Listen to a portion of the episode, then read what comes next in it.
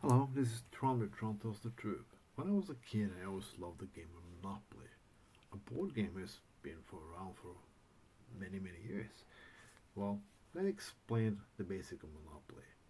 A lot of people sit around, throwing the dice, go around building hotels, buy property, and so on and so on. And then they have to pay each other and pay each other, and then we'll sit again with one winner. And the winner has then monopoly. That means he owns everything. There's some funny rules in that game. You can also get a jail-free card. Yeah, if you be taken or have to go to jail, you can have a jail-free card. Does this game reminds me of the reality? For me it does. Because that's how world is going on right now. We see a lot of brands who used to be companies. But they're only brands. They're not companies anymore because they were bought by something bigger. Disney, how many franchises and how many companies who used to be do they now own? Own Marvel and a lot of other shit. There are fewer and fewer companies and more and more monopolies. And all those monopolies are paying the fucking same politicians in all the parties to make monopolies more monopolies. During the 90s, there were a lot of independent radio stations in the United States. In well, it used to be because they were all bought up. Now it's again a bigger monopoly. You may see it sometimes. You see it on some different record companies like Blue Note, Chess, still alive, but they're usually owned by something bigger. Monopoly. This is what, the world is going to. The funny thing that we was warned about this.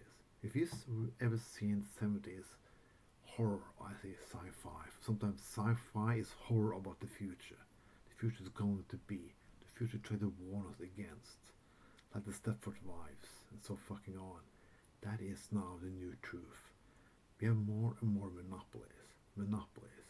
When they talk about small businesses, they're fucking lying. I live in the city of Bergen, and everybody is talking about it. if you don't give the big businessmen more chances, they're gonna run away. And oh, we feel so sorry for small business owners downtown because we cannot park. But that's bullshit. There are three or four big institutions who owns everything in Bergen.